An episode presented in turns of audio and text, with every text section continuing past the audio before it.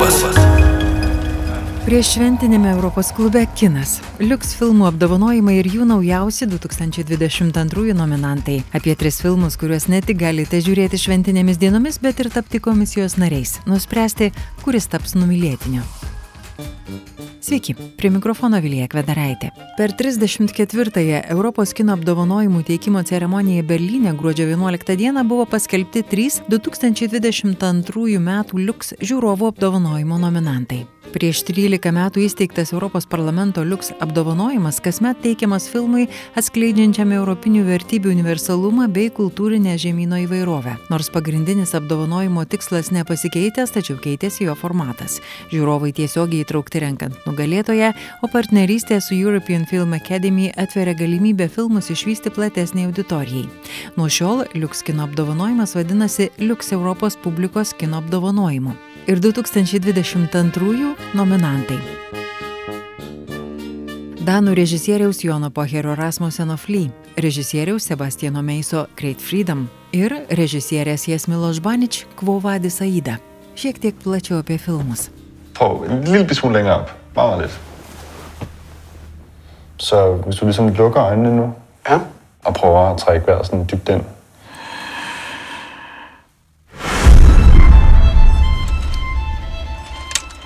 No. Danijos, Prancūzijos, Švedijos ir Norvegijos animacinėme filme Fly Aminas pasakoja savo kaip vaiko pabėgėlio iš Afganistano, kuris pats atvyko į Daniją kelionę. Jis bando susitaikyti su praeitimi, taip pat su savimi ir paslaptimis, kurias slėpė. 36 Aminas Navabi daug pasiekęs akademikas grumėsi su skaudžia paslaptimi, kurią slėpė 20 metų ir kuri gali sugriauti gyvenimą, kurį jis susikūrė savo ir savo būsimam vyrui. Aminas pirmą kartą pasakoja istoriją apie savo nepaprastą vaiko pabėgėlio iš Afganistano kelionę.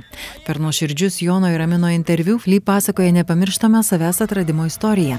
Danų režisierius Jonas Poheris Rasmusenas randa puikių būdų, kaip atskleisti Amino prisiminimus, sujungiant juos į kažką panašaus į klasikinę įtemptos istorijos pasaką, tačiau persunktą dokumentinio filmo patikimumu.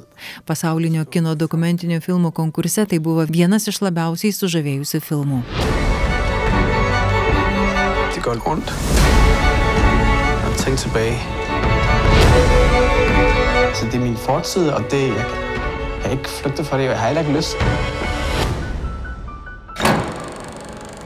Mikkel ham den gik igennem. 12 måneder. Det er? Ja.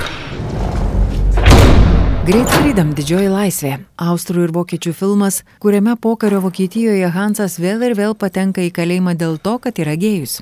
Jam sistemingai atimama laisvė už tai, kad jis pažeidė Vokietijos baudžiamojo kodekso 175 straipsnį. Vienintelis pastovumas jo gyvenime tampa jo ilgametis kameros draugas Viktoras, nuteistas žmogžudys. Tai, kas prasideda kaip pasibjaurėjimas, perauga į tai, kas vadinama meilė. Fransas Rogovskis yra vienas įdomiausių šiandieninių jaunųjų aktorių. Su kiekvienu vaidmeniu jis įneša naujų, keistų savo amato aspektų ir subtilybių, kuriuos kaip cheminius elementus dar reikia klasifikuoti ir pavadinti. Jis vaidino grėsmingą Viktorijoje, tragiškai romantišką pagrindinį vaidmenį filme Transitas, o dabar Great Freedom, didžiojoje laisvėje, dorybę alsuojantį personažą. Rogovskio veikėjas Hansas Hoffmanas yra asmuo, kuris vieną rytą buvo suimtas nepadaręs nieko blogo, cituojant garsų į Kafkos teismo pradžios sakinį. Tariamas nusikaltimas Hanso atveju yra homoseksualų santykiai. Great Freedom tai kūrinys puikiai balansuojantis kelias temas ir kryptis.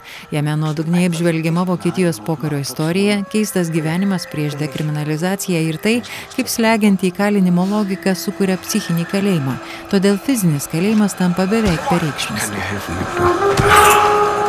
Wenn du willst.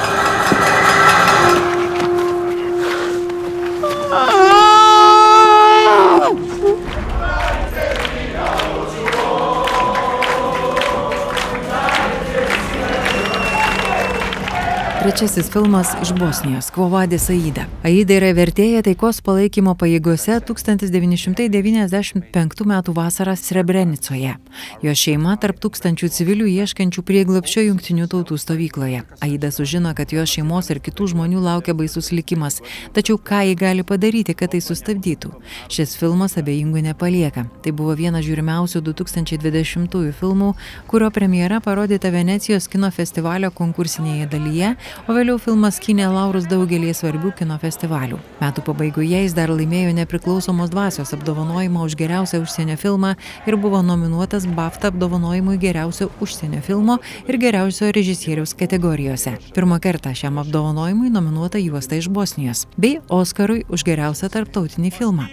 Šiame greitame ir negailestingame filme sekama Srebrenicoje jungtinių tautų vertėja virtusi mokytoja Aida, bandanti susiorientuoti pragariškoje suirutėje, kuri ištinka Serbijos armijai užėmus Srebrenicą. Jos vyras ir du sūnus kažkur pasislėpę desperatiškai į stovyklą patekti bandančių žmonių minioje.